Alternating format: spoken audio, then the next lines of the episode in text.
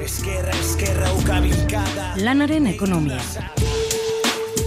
Kutsadura informatiboari aurre eginez, ekonomia gaiak jorratzen eta ulertarazten duen saioa.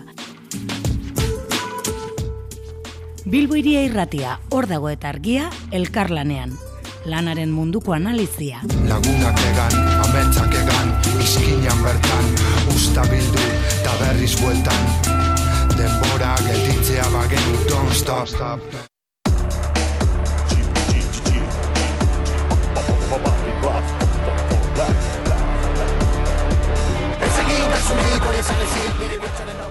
Arratzaldeon, hemen gagoz berriz ere udaren ostean lanaren ekonomia irratzaioan, eta gainera gure bosgarren edizioaren lehenengo saioa izango da. Lanaren ekonomia irratzaioa jarraitzen da bizaten Bilbo iria argia eta orga- ordagoren arteko elkarlana. Bilbo irian entzuteaz gain, arrosasareko beste irratietan ere entzun gaitzakezue. Horrez gain ere, hemen jorratzen ditugun, gai desberdinak ordagoko eta argiako webunean ere irakurri ditzakezue. Aurten ere, ekitze barria, Jon Bernard Zubiri eta ni ere, izango gara parte irratzaio honetakoak. Pena izan arren, ba, bueno, denporaldi honetako tarte batean behintzat, ba, endika labort ez da egongo, aitatasun baimena hartu da alako. Zorionak endika, ongi etorri haine gurera. Posa eta zorion konpartitu ostean, irratzaioaren egiturarekin jarraituko dugu. Aurten ere sindikala agendare izango dugu, ekitze barriaren eskutik, Eta hemen, ba, bueno, sindikatu eta herri mugimenduen deialdi desberdina jasoko ditugu, hemendik eta egunerako epean agertzen direna. Oie guztiekin batera, ba, bueno, agenda bat eh, sortzen dugu eta deialdi hauetaz e, informatzen dugu. Horrez gainere, ba, bueno, gogotzu gaoz, ba, entzun lehen deialdiak, e, audioak eta zuzeneko deiak hartzeko. Bera zuen dei, dei eta audioen zain gagoz eta anima zaiteztete. Sindikal agendaren ostean, ba, elkarrizketen tarteak egin ohi ditugu eta horrekin ere jarraituko dugu. Gaurkoan, e, iratze arriola izango dugu, eako alkatea, eta Jon Bernard Zubirik egingo dio elkarrizketa eta busturialdeko urak multinazionalen esku geratzeaz jardungo dira. Ondoren, ekitze barriak egingo din niri elkarrizketa, batzillergoko ekonomia eskuliburuaren txosten kritikoaren buru, e, kritikoari buruz. Eta maitzeko argia aldizkariko tartearekin jarraituko dugu. Orain honetan David Oio, CHUko irakaslea, elkarrezketatuko du HTaren inguruan, abiadura handiko trena, ez eraginkorra, injustua eta jasan ezinari buruz.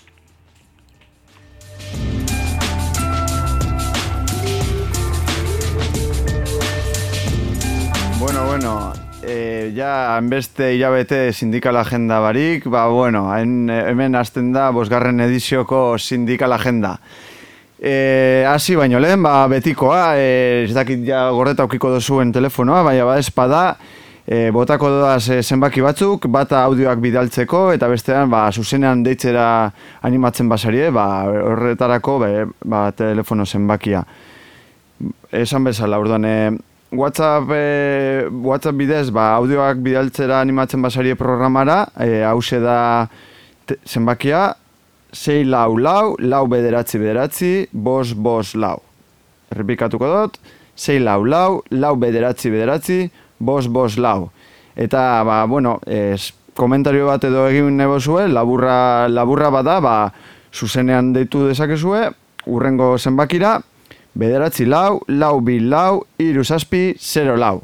Eta, bueno, e, urrengo deialditarako, e, ba, urrengo deialdiak bidali nahi urrengo sindikal agendan sartzeko, ba, badago ere email bat, lanaren ekonomia dana batera abilduak gmail.com, lanaren ekonomia abilduak gmail.com, eta, bueno, ba, az gaitezen beraz, e, urrengo deialdiekin.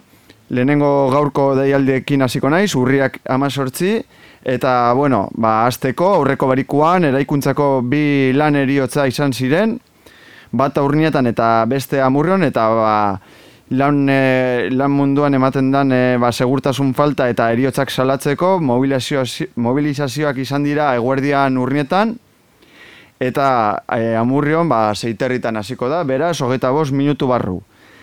E, gero, ba, betiko ja kla, e, programa aurrera doa, baina e, Bizkaiko Nobaltia enpresako langiek greba mugagabean jarraitzen dute, ja sortziroen da emeretzi garren egunez, hitzarmen duin baten alde. Gero, e, beste e, ba, beste dialdi batzu. Goizean bi lagun epaitu dituzte, BBAk erma industrian duen implikazioa sa, e, salatzeagatik. Hori dela eta kontzentrazioa egin dute goizean Bilbon barro eta aldamarreko epaitegian. Ondoren, Orozkon, artiatzeko langiek kontzentrazio egin dute enplegu finkoaren eta duinaren alde. Bilboko Guggenheim Museoko Garbitzalen kolektiboa, greban dago, egun da hogeta bederatzi garren egunez, lan baldintza eta soldata duinan alde, eta baita soldata arrakalaren aurka. Saratamon, vulkanizado zuluagako langileak, egun da mairu egun daramatzete greba mugagabean, itzarmen justu baten alde. Gipuzkoara pasatuta, Zarauzko eroldegia greban daude, irugarren egunez, eta bihar ere greban izango dira. Aurrek, aurrekoari jarraipen barkatu, aurrekoari jarraipena emango dion hitzarmen bat lortzeko eta BPX Sport enpresak esarritako murrizketak bertan bera usteko.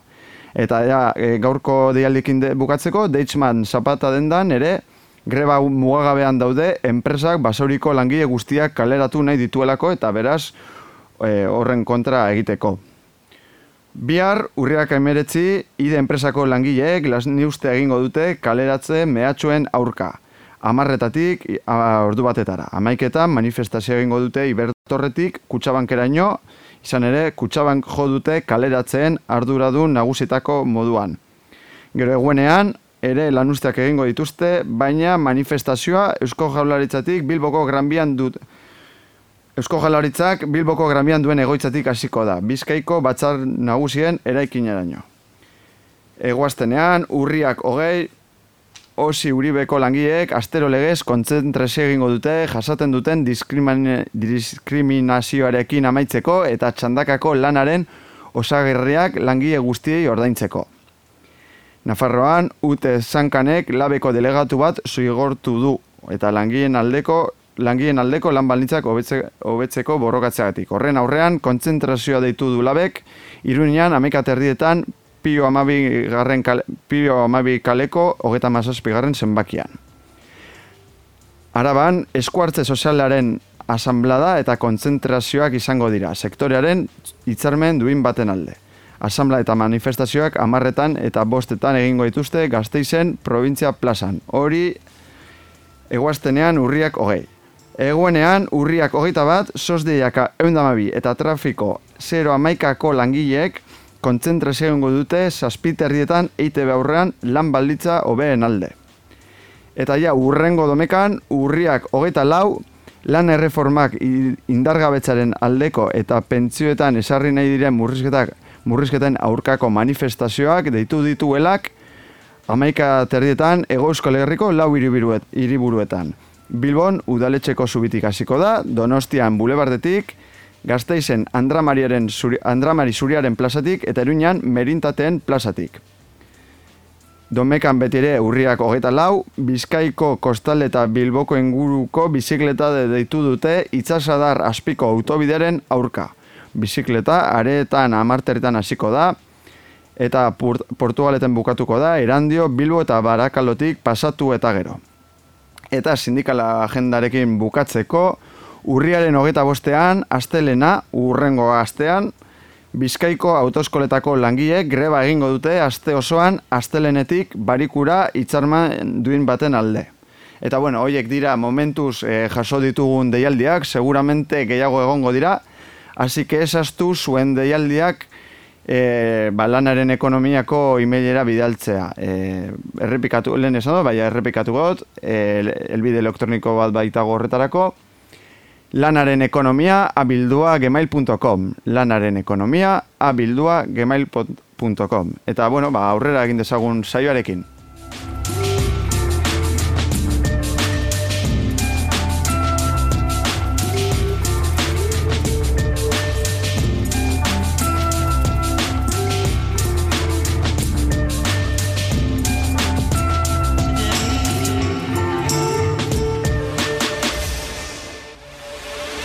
Bueno, ba, gure gaurko elkarrizketari heltzeko, gaur e, gonbiatu berezi bat daukagu, bera iratxe arriola da, e, EAko alkate, alkateza, EH Bilduko batzarkidea, eta baita ere Busturialdeko urpartxorgoko lehendakari hoia. E, agian e, gure entzuleek e, ikusi dozue, e, azken asteetan ba, lizkarra sortu da Busturialdeko urpartxorgoarekin, urdai bai erreserba, biosfera erreserban urak privatizatzeko bidean dauzelako, eta ba, tokian tokiko eta urkudak eta publiko eta sozialari bukaera emanez, ba, Bilbao Bizkaia ur partzuergora lotuko da. Lotuko da. E, Arratxalde hon iratxe? Arratxalde. Bueno, e, konta eguzu apurtxu bet e, iratxe, zer gertatzen ari da urdaibaiko urkudak etarekin? Badatorren urteierako urteko urtartzeko desagertu ingo da. Eta bera gozatzen da ben amasei udalerrizek Bilbao Bizkaia urpartzueruek absorbitu ingo dauz. Bizkaizen zeuk esan dozu moduen uren monopolizue kontsolidatzen dabil momentu honetan, eta aurrerantzien amairu udalerri besterik ez die Bilbao Bizkaia urpartzuergotik kanpo geratuko. Zerbitzuen zentralizazioen atzien, ba, ez dau irizpide tekniko-ekonomikorik, diez, erabaki politikuek, hain zuzen bezabinetzean hartzen dizenak, eta herrizetan betera hasi. Horregaitzik esaten dugu, ez, bertoko uren gestinoi buruzko erabakizek, bertoko udal eta biztanlien gandik urrun hartu nebizela, beste eskala baten, ez eskualdeko eskalan, eta ez da bertoko herritarrei galdetuta bez. Orduen e, bertoko biztanlien gan olako eragine eukiko daben erabaki bat, ez dugu ulertzen zelan ez jaken bertoko herritarrei konsultatzen, ez? Segaitzik ez dizen mai gainen ipintzen, ustezko absortzio horren onura eta kalte guztizek, eta erabakizek patxada sartu. E, ontsa bultatuko gara, e, urdaibaiko uren, e, ur, bustera dekur partxo gara likidaziora, baina lehenago, eta hemen ba, bilboiria mik, irrateko mikroetan egonda, e, zein, igual biztaleak ez, biztaleriak ez, ez jakintasuna handia dago urkudeaketaren inguruan, e, badakigu Europako zuzentara hauek e, gomendatzen dabe tokiko kudeaketa, ez, arrotatik lotutako urkudeaketa egitea, baina guztiz kontrako kudeaketa egiten da Bilbao Bizkaia urpartzuergotik, ez da, iratxe? Bai, Bilbao Bizkaia urpartzuergoak iaia Bizkaia osoa hornitzen dau, hau da Bizkaiko lurraldaren euneko laro gehiago gutxi gora bera, normalean, leharti bai eta salbuespen batzuk kenduta, ba, ez dauz lekuko urbaliabideak erabiltzen, baizik eta egiten da bena da, ba, ura beste nonbaitetik ekarri. Kasu honetan, eta Bilobizkaiaren kasuan, euneko irurogeian arabatik ekartzen da ura, sadorratik, sadorra ebroko trasbase batez behornitzen da, eta Bilboren kasu konkretuan, ba, urasko burgostik datorez, orduntetik. Orduan, Bizkaian bertan, ba, ura kudeatzen da Bilobizkaia horpartzurgo honetan azpiegitura handizekin, normalean inbertsio oso oso altuekin, energia kosto oso altuekin, eta gero gainera ba Bilo Bizkaia ur partzuergoak eta bueno ba estatutuetan eta agertzen da ez publikoa dela baina kontua da gero gestioa zelan egiten da, ez? Eta egiten dabe gestio bat, ba, ure negozio moduen e, ikusitze, eta e, azpi kontrata askogaz, e, euneko irurogei azpi kontratatuta dauke, multinazional handiei, ez enpresa txikiei, baizik, eta uraren multinazional handiei, Suez, Akziona, Qualia, eta azkenien horrexe diez, ba, Bilbao Bizkaia aur partzuergoaren kide dizen eh, herrizetako biztanliek fakturan ordaintzen daben guztizen euneko iruro gehize jasotzen da bienak. Beraz da, ba, privatizazio izkutu bat, eta kontua ez da hor geratzen. Gertatzen dena da, zer egin nahi dan etorkizunean bebai, eta ze asmo eta desio daukien eh, Bilbao Bizkaia aur partzuergokuk ez. Ba, tendentzia da kolaborazio publiko-pribatu batera joatea, kolaborazio publiko-pribatua zelan ez e, multi, ba, enpresa eta multinazional handiekin, hori beste herrialde batzuetan ja. Bai, kontua da, e, Europan tendentzia, dala justu be, bestelakoa publikotzearen aldekoa, ez? Privatizazio esperientziaren bat aukidaben herrialdietan eta Europan horrek egon direz, esaterako Frantzia hasi zen kudeak eta pribatu egaz, eta bertan hasi ziren e, lehenengo bermunicipalizazioak, ez? Parisen, Grenoblen, Toulouseen eta hainbat herrialdetan. Berlinen bardin, Berlinen 2011 garren urtien, ba, egon zan mugimentu potente bat, Berlin Water Table, eta erreferendum bat antolatu ben, uraren privatizazioen inguruen. Zeireun da iruro eta mila herritar joan zien boskatzera, eta irurondo gimile e, sinadura jaso ebezen, ez? Enpresa publikoek esternalizauta, ze hau gertatzen da Bilo Bizkaian, esternalizata eukozen kontratu guztiek e, publikatzeko, eskatzeko, ez?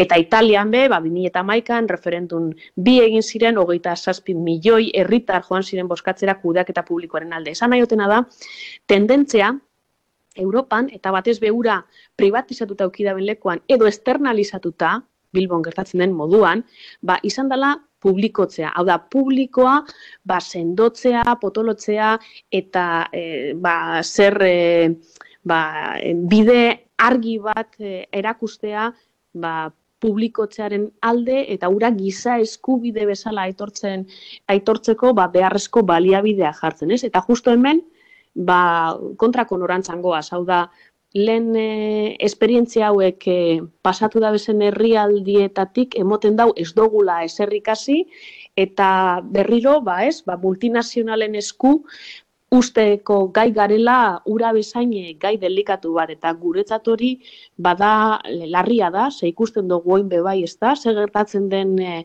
elektrizidadearen faktura igotzen danean ez?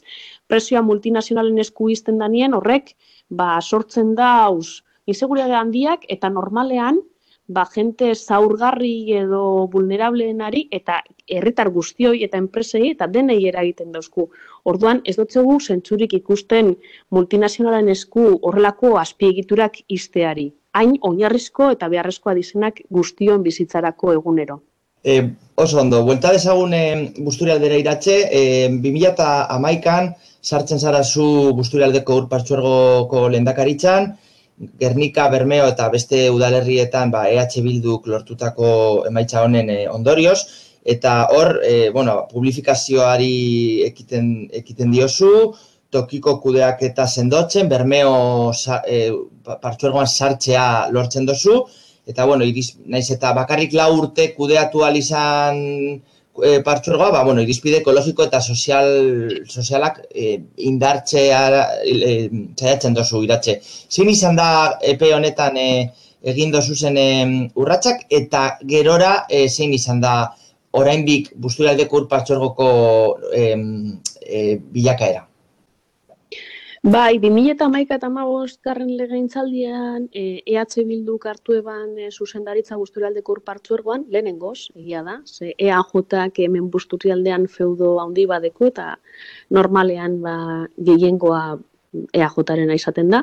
Orduan legegintzaldi hartan aukera izan gendun erakusteko beste era batera kudeatu aldala publikotik eta kudeaketa ona egin aldala eta ez e, multinazionalen menpegon. Kasu hartan externalizatuta egoa san, gaur egun bilabizkean dago zen moduen, gehiago, amazazpi langile egoa san azpi kontratuta eta hogeta bi jarri gendu zen gehiago plantillan, berez e, partzuergoak lendik hogeita behatzi zituen, beraz berrogeta bederatziko plantilla batera e, pasatu zen, eta e, ekonomikoki partzuergo hartu genuenean persiana izteko moduan zegoen, oso egoera txarrean, iru milioi eurotako sorrekin, eta ja ba, eskualdean be zeutzen hornitzen e, lehen gaiez, hau da, ba, tornilloren bat, zerbait behar bazuten, ba, izan dako zorro ba, ba, esetzen horritzen edo gasolinakotzen zat, hau da, gauza e, egoera ekonomikoa zan, ba, esan dako moduan pertsiana iztekoa.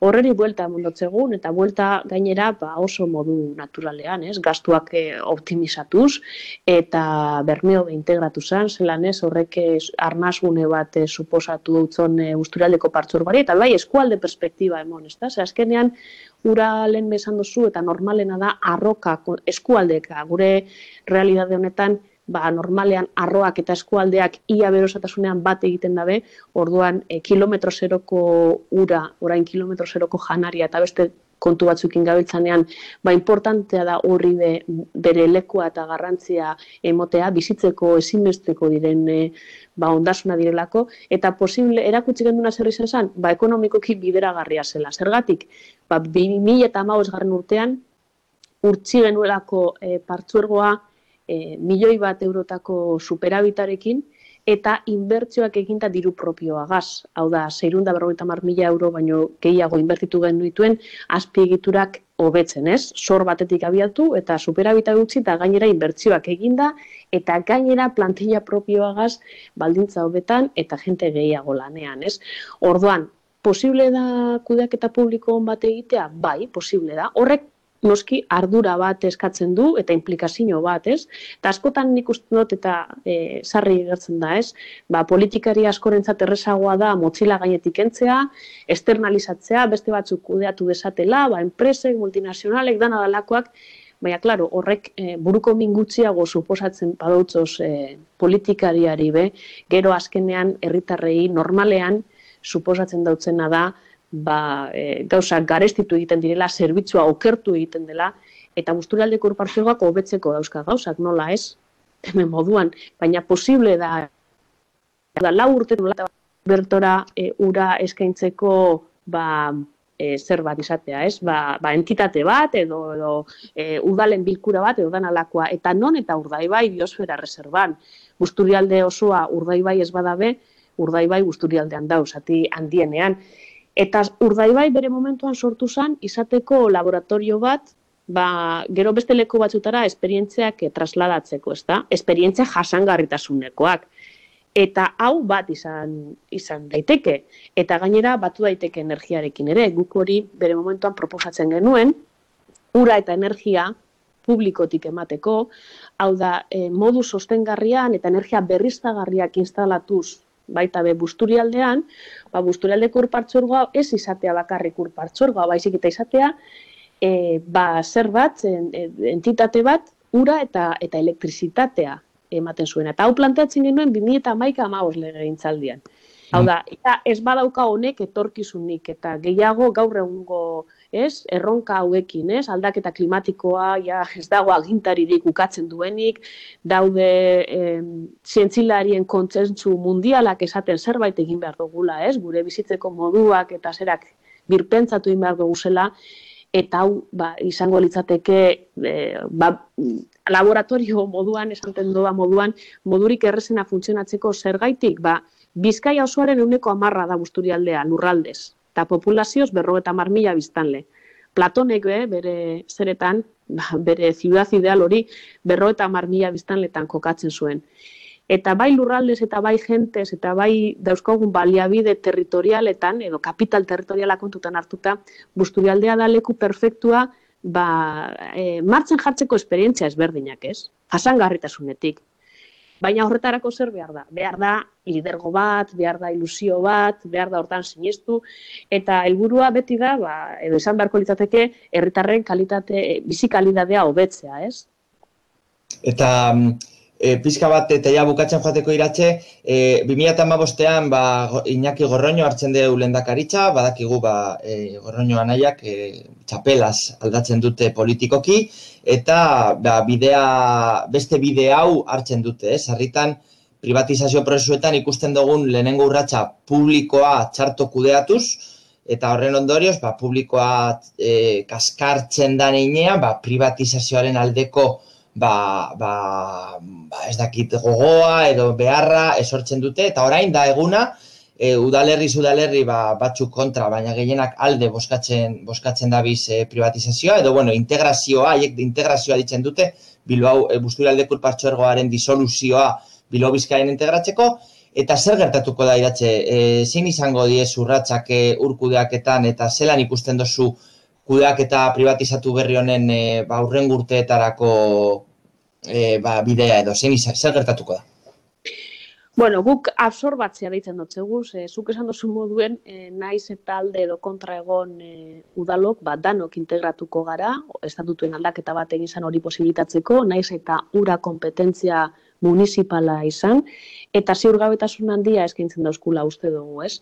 Ba, urrengo hiru urtietan e, tarifak busturialdien euneko bostigoko dau, hori akordioan e, jasota dago, baina inork ez dino zer gertatuko dan e, udara hauteskundien ostien, ez? Dana perspektiba elektorala egiten da, eta gorroñope hola egin izan dau beti, eta jarraitzen dau, eta bueno, jenteak boskatzen dautzo, beraz, ba, hor bakutzak egin beharko da egiten da zen irakurketak, baina e, tarifen igoeraz gain, ze tarifen igoera barki dau gertatuko dala Bilbao Bizkaian bertan ere, azkenean Bilbao Bizkaiak asumitzen dau e, hemen e, milioi euro behar direla euren infrastruktura modeloetara egokitzeko, eta hori Bilbao Bizkaiako ur tarifetan sartuko da, hau da Bilbao Bizkaiako ura jasotzen daben herritar guztiek ordainduko da beste inbertsio hauek, Eta horrez gain, ba, e, zer gertatuko den, ba, busturialdeko eskualdean, ba, normalean busturialdeko partzuergoak urtero, bosteun mila eurotako inbertsioak egin izan dauz ekonomia lokalean, ba, hori aurrerantzan ez da gertatuko, Bilbao Bizkaiak e, daukolako ba, kompra, zentral de compras bat, eta bueno, beste leku batzutan egiten dituelako erosketak, eta gero, bueno, busturialdeko ofizinekin segertatuko den bestago argi. Akordioan jartzen du hiru urtetan zabalik egongo direla, baina Bilbao Bizkaiak e, bere ofizina zentralak eta bakarrak orain arte albia edifizioan dauzka Bilbon, ez? Orduan ba hau da bai zentralizazio bat, ezta? Azkenien zerbitzuen zentralizazio bat. Eta guk uste dugu dala e, beste sakadatxo bat, ez? Herri txikizetan eta eskualdien zerbitzuen murrizketan eta ustuketan, ze jendea ba hola da Bilboradoa bizitzera eta hori ikusten dugu herri herri eta eskualdean baita be, gero ta jente gutxiago bizi da. Era betuenak gehiena gazteak eta beste autu bat egin dute, ba kapital humano ekonomiko eta sozial guztia bilbon konzentratzen dalako, eta hau be, ba, uste dugu holan jarraituz gero, ba, ito ingo gaituztela, ezta. Eta gero, base gertatuko den e, Bilbao Bizkai ergoaren barruan eta etorkizunera begirako perspektibak, bueno, ba, zirako argi dago kolaborazio publiko-pribatua izango da, segurazki ba, ez da tardatuko esaten e, ezin da laura esku publikoetan, edo ente publikoetan gestionatu, kolaborazio publiko bat behar dugula, publiko-pribatua, Madrilen egin izango duan, Isabel, gara Isabel II gaz, eta segurazki hori izango da urrengo pausua, horretarako normatiba guztia ere aldatzen ari direlako, hemen Euskadin bebai, uraren legean eta uraren kanoraren bidez.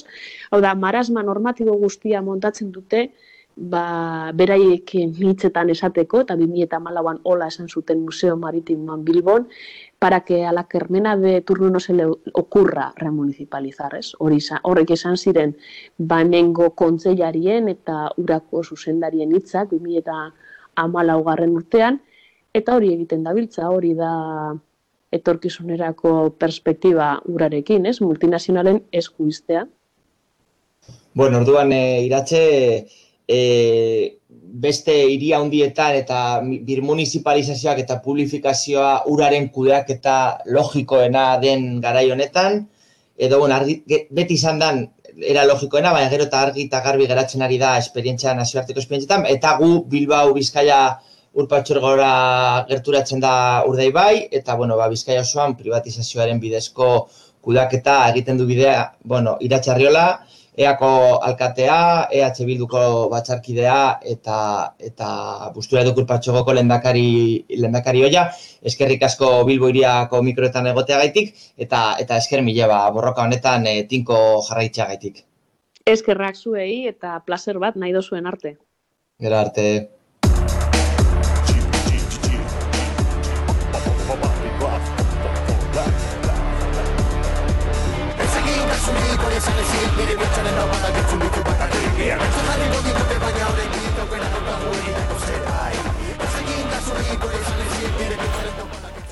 Finantza Saratago plataformak ikerketa bat argitaratu du ekonomiaren enpresaren eta finantza eskuntzaren alorrean, ba, testu liburuetako ikuspegi nagusia agerian jartzeko helburuarekin. E, bertan, ba, hiru ikerlari irakaslek parte hartu dute, e, alde batetik ba, Javier Murillo, ekonomian doktorea eta bigarren eskuntzako eta Universidad Complutense Madrid Unibertsitateko irakaslea, Gero maitane jaio, ekonomia analizian masterduna eta bigarren hezkuntzako irakaslea. Eta azkenik, ba, Jon Bernat Zubiri, ekonomian doktorea eta irakaslea ikertzailea UPV-etxuko ekonomia aplikatu zaian. Igual eh, azkenengo biak eh, ezagunak egin zaizuen normalaz, eh, programa honetako partakidak dira. Eta bueno, e, ba, egin duten ikerketa honen bitartez, e, kritika eta anistasun elementuak eskaini nahi izan dituzte ekonomiako irakasleen e, lan pedagogikoan baliagorriak izango direlakoan. Orduan, pues, e, gai apur bat luzea dela aurrekusi dutenez, ikerketa bi saiotan e, aurkeztuko dugu, gaurkoan e, proiektuaren testu, testu ingurua eta arrazoiak eta ondorien zertzela batzuk emango ditu maitanek, eta urrengo irratzaioan, ba, ja lanaren ond, e, idazlan honen e, ondorioetan sakonduko dute gehiago. E, dana den, ba, jakin daizuen, e, hau egongo da e, sakondu nahi izatekotan, podcastetan egongo da entzungai. Ordan pues, hasi gaitezen maitane, e, keizo, e, ordan, e, azaldu apur bat nondik e, sortu zen ekonomiako testu, testu liburuen errebizioa egiteko ideia hau. Bai, bueno, ba, honen inguruko kezka ba genuen guk ere, baina, bueno, e, azkenean finantza zaratago zagareak proposatu zigun, ba, bueno, e, batzi ergoko testu liburuen errebizio bat egitea, eta orduan, ba, plazaratu zen gauza. E, azkenean, ba, bueno, bai ekonomia eta finantzen eskuntzetan, ba, ikuspegi bakarra dario, ba, bueno, ba, azkenean ematen den eskuntza, eskuntzari, eta hau, ba, ikuspegi kapitalista batetik egiten da, eta, ba, azkenean ba, falta da anistasuna, ba, beste ikuspuntu, beste hainbat ikuspuntu e, jorratzeko ba, ekonomiaren analizian, ez? Eta orduan, ba, bueno, ikusten genuen, ba, ikasleek ba, ikuspegi anitzagoa izan dezaten ekonomiaren alorrean, ba, zirako pausua edo, testu liburu hau errebizatzea, e, errebizatzea zela. Bai, e, bueno, ondoren ere aipatuko dudan bezala, ba, bueno, ba, proiektu hau, e, hau e, azkenean ba, errebizio hau proiektuaren hasierako puntua besterik ez da, eta bueno, gure ideia da honetan sakontzea eta azkenean material didaktiko berriak sortzea. Hmm, eta zer da finantza zaratago hori? Bai, azkenean hau da erakunde desberdinen zaretzea, eta erakunde hau dira Elkar Kredit, Mugari Gabeko Ekonomilariak, Kop Berro eta Masazpi Euskal Herria, Fiare Proiektuari laguntzeko elkartea, Oiko Kredit Euskadi eta Zeten Egoaizea ba, finantza zaratagotik e, arduratuta daude, ba, azkenean ba, finantza sistemak edo bai ikuspegi e, kapitalismoak, ba, bueno, ekonomiako ikasgaietan e, geroz eta ba, eragin handiagoa dauk, daukatela, eta bueno, honi buelta emateko ba, batu ziren, ba, ba, lan hau ba, aurrera eramateko, ez?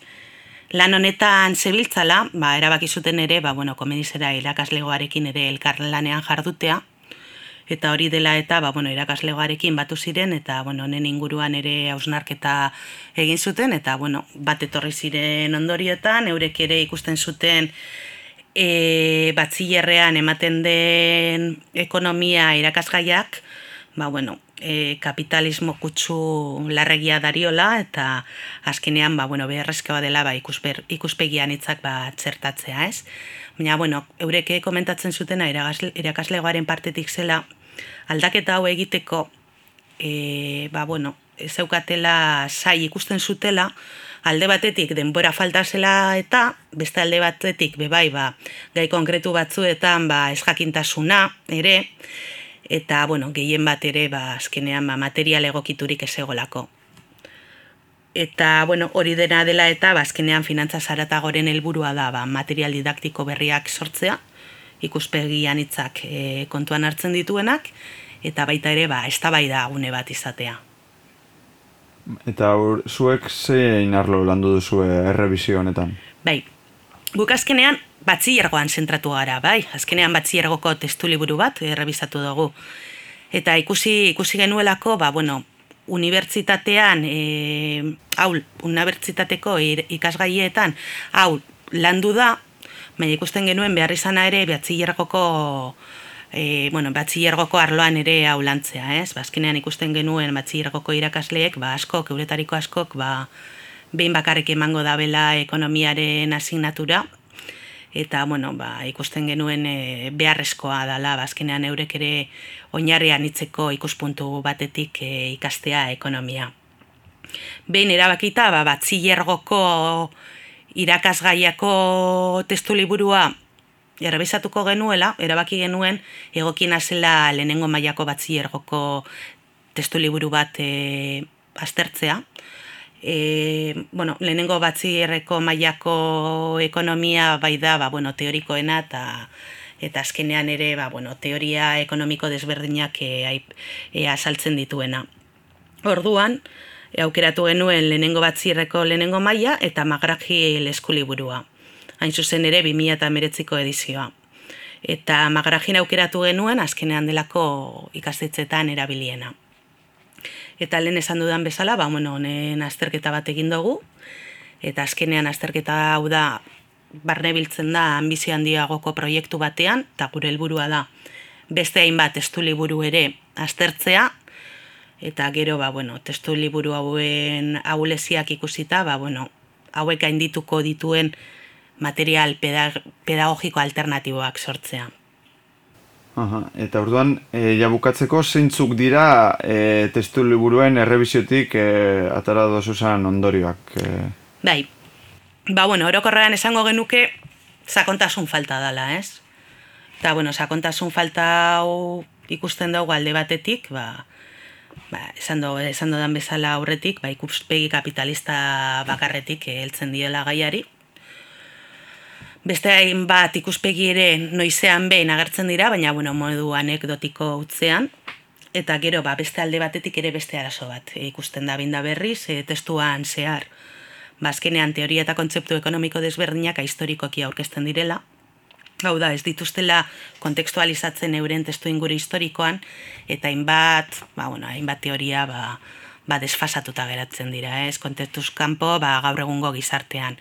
Beste gizarte batek asko teoriak dira eta bueno, ba, gaur egunean ba, ez daukate zer esanik edo bueno, desfasatuta geratu direla, ez? Eta, bueno, utzunea kasko dira, e, eta, bueno, zehatzago urrengo irratzaioan aipatuko ditugu eta salduko ditugu, eta orain adibide desberdin batzuk, eta, bueno, e, adibide desberdinak, eta por bat ere, errepresentagarriak izan daitezkenak azalduko dodaz. Adibidez, askunde ekonomikoaren gaia jorratzen den denean, askunde ekonomikoa asaltzen dute desiragarria dela askunde ekonomikoa geldi ezina izatea, bai? Etengabea izatea. Eta momentu batean ere ez da planteatzen hau e, desiragarria benetan baldin bada edo, edo ez? Eta bueno, ikusten dugu azkenean, ba, bueno, e, askunde etengabe honek ba, garapen iraukarrarekin ba, ez datorrela bat, ez? Bestalde batetik ere, barne produktu gordina asaltzen danean, e, asaltzen da, bueno, zer den barden produktu gordina, eta, bueno, bere kalkuluak egiteeko formulak ere irakasten dira. Eta gero, ba, bueno, e, atal batean, e, aipatzen da barne produktuak dituen gabeziak, hau da, e, jasotzen ez dituen ondasun eta zerbitzuak, hau da, konputabil, konput, ez diren konputatzen, konputatzen ez diren ondasun eta zerbitzuak.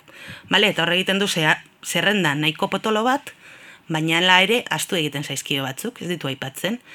Badirenak adibidez planetaren mugak, baita ere zaintza lanak edo etzeko lanak, ez? Eta orduan ba, bueno, berriz ere ikusten dugu bazkinean ba, ikuspegi feministak edo ekologistak ba, alde batera usten direla. Gero, baita ere Europar batasunaren sorrera, aipatzen da, baina honek ere tonu nahiko triunfalista dario, ez? Azkenean abantaiak soilik azaltzen dira eta ikus, eta desabantaiak aipatu ere ez dira egiten. Gero, inflazioaren kontrola, kontrolari buruz hitz egiten da, edo azaltzen da, nola, lehen dezten da, ba, Europar batasunean inflazioa kontrolpean egotea, eta, bueno, ez da, eta azkenean, ba, bueno, langabezia edo, edo enpleguaren sortzea, edo ondazu, enplegua, edo dena delakoa, ba, ba, arazo, bigarren arazotzat edo hartzen da, bigarren maiakotzat, ez? Eta berriz ere, ba, bueno, kritikotasun falta ere ikusten dugu hemen. Inflazioaren kontro, kontrola lehen iztzen da, eta ez da gehiago hausnartzen horren inguruan. Bai, gero jarraituta, bueno, lan merkatuarekin eta langabeziarekin, hemen ere ikusten dugu badibide soldar, soldata ordainketei, oldaketei buruz hitz egiten da benean, ba, esaten da soldatak e, lanaren produktibitatearen araberakoak izango direla. Hau da, esaten da, zenbat eta produktiboa zaren zure lanean, orduan eta gehiago irabazten dozula.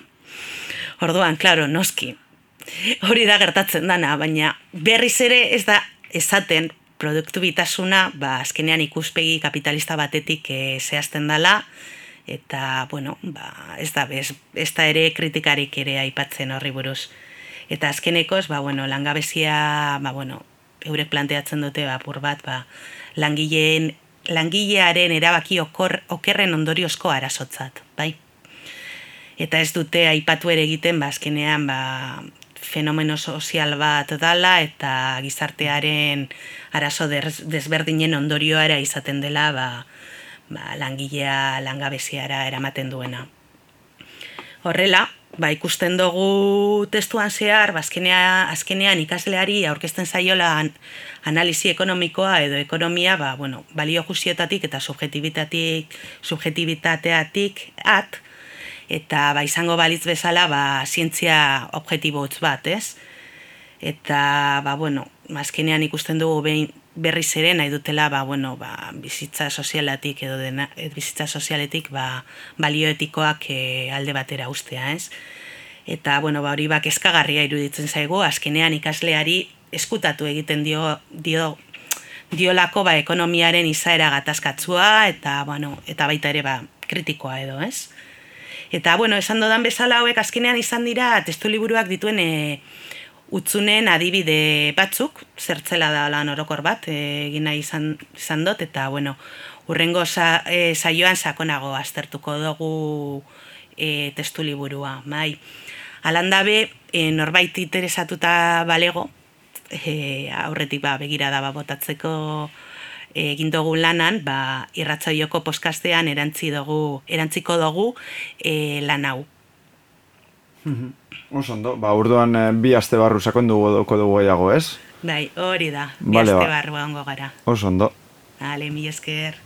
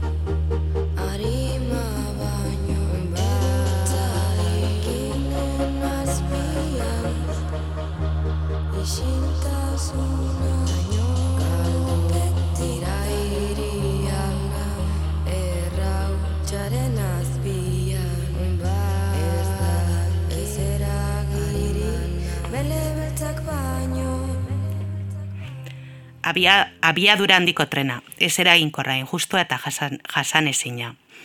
Aurten egindako txostenean Espainiako estatuko abiadura handiko trenaren zarea, sakon aztertu dute David Oioz, Andoni Kortazar eta Gorka, Buena, Gorka Bueno EHUko irakasleek.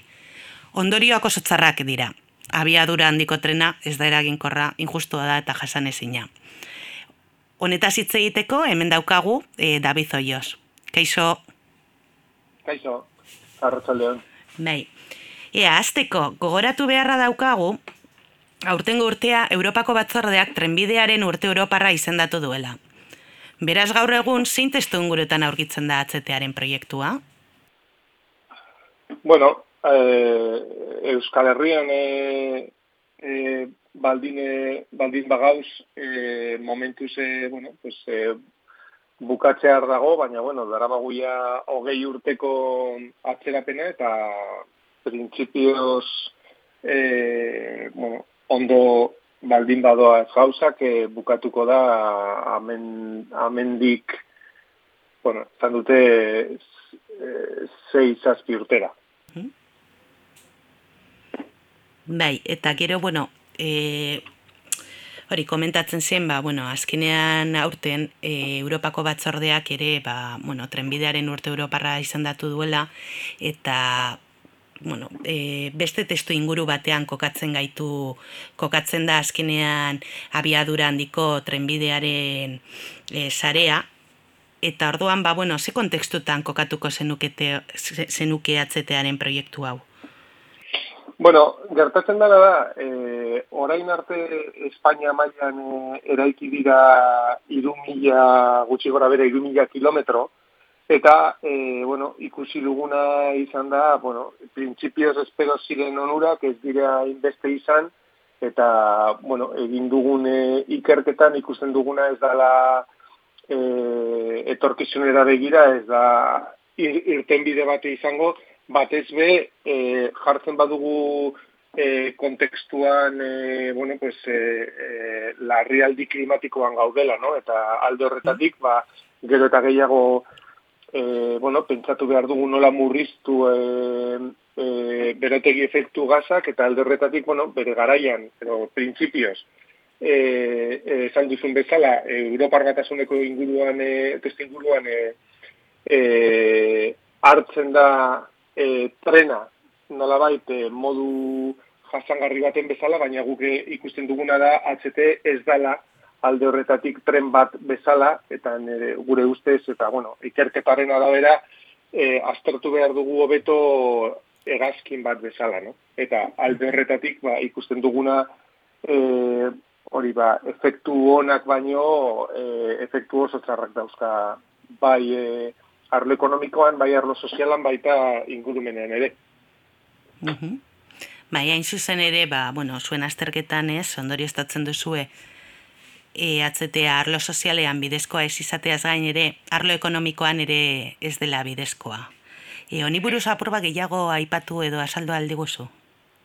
Bueno, egia esan, e, guke hor, e, artikulu horretan e, e, e, erakusten duguna ez da e, arlo ekonomikian egindatxoko txostenak.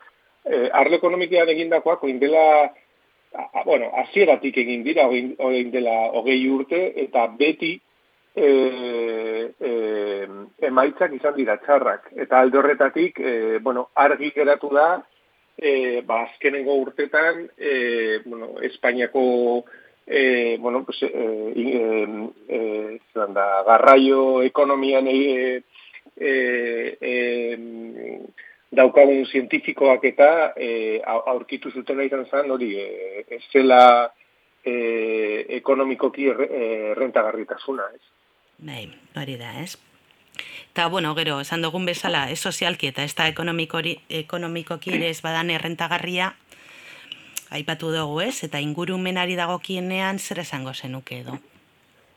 Bueno, ingurumenari dagokionez, e, aspalditik e, eta batez be, bueno, Euskal Herrian e, ikusi da aspalditik e, eta hor e, kezkak sortu ziren, ba, bueno, e, argi dago eta biztan dago ze kalte egiten duen e, paisaia modun, ez? Eta, eta batez be e, gure lurraldean nun e, oso zaila da urkitzea e, bueno, pues, lautada bat edo, e, araban ez bada, eta argun gehiena e, egin behar da tunel, tunel moduan edo biadoktu moduan, eta orduan inpaktu oso oso e, oso larria da, ez, paisaian.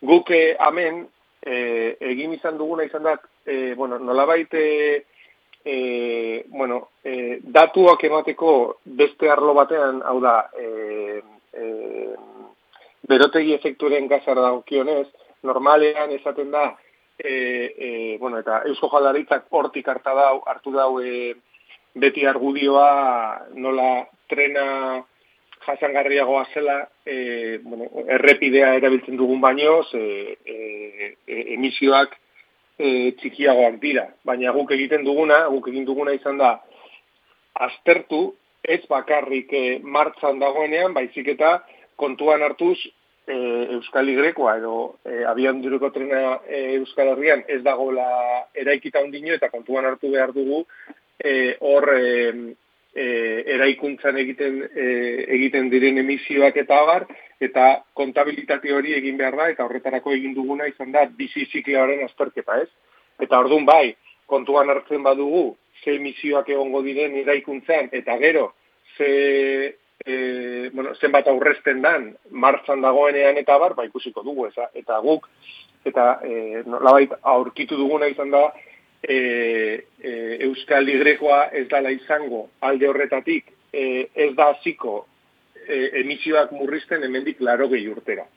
Eta alde horretatik, claro, oso berandu da, oso, e, pentsatzen badugu ze, bueno, kompromesuak hartu dugu Parisen eta abar, zelan e, ba, murriztu behar dugu amendik e, amar urtera, euneko e, berrogeita mabos, murriztu behar dugula berotegi efektu gazak, eta e, 2000 eta e, eta berrogeita mar e, berrogeita marrerako e, lortu behar dugu printzipioz da neutratasun klimatikoa, ez? Orduan alde horretatik guk e, nolabait e, ondoristatzen duguna da e, zelan da e, irten bide baino ostopo bat izango da e, abiadunetiko trena hori kompromesuak betetzeko. Bai, Bai, o, ba holanda eta, bueno, ia bengoz be entzuten diguten, e, on, entzuten badiguten eta, bueno, ondorio estatzen duten atzetea ez dela irten bidea. Bale, ba, mila esker gurekin partekatzarekin ikergeta honen emaitzak. Mila esker zuei. Bai, urrengo arte. Bai.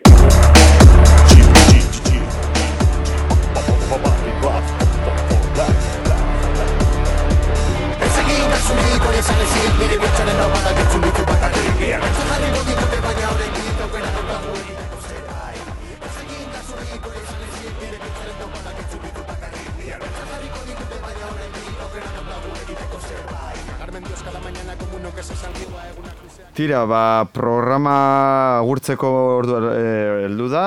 Gogor, hau bosgarren edizioko, edizioko lehen programa izan da. Eskerrik asko iratxe Arriola eta David, David Josi denbora tarte bat eskaintzaetik, baita han ezabalari azpigitura teknikoa eskaintzagaitik, eta zelan ez, ba, lanaren ekonomiaren entzulego guztiari. E, ba, bi aste barru ikusiko gara berriro, endo, beto esan da entzungo gara berriro, gogoratu bitartean, ba, e, programa hau entzunga izango duzuela, Bilbo iriaren webgunean. Beraz, agur eta aurrengora arte. Eskerra, eskerra, ukabilkada. Lanaren ekonomia. Kutsadura informatiboari aurre eginez, ekonomia gaiak jorratzen eta ulertarazten duen saioa. Bilbo iria irratia, hor dago eta argia, elkarlanean. Lanaren munduko analizia. Lagunak egan, ametsak egan, izkinan bertan, usta bildu, eta berriz bueltan. Denbora gelditzea bagenu, don't stop.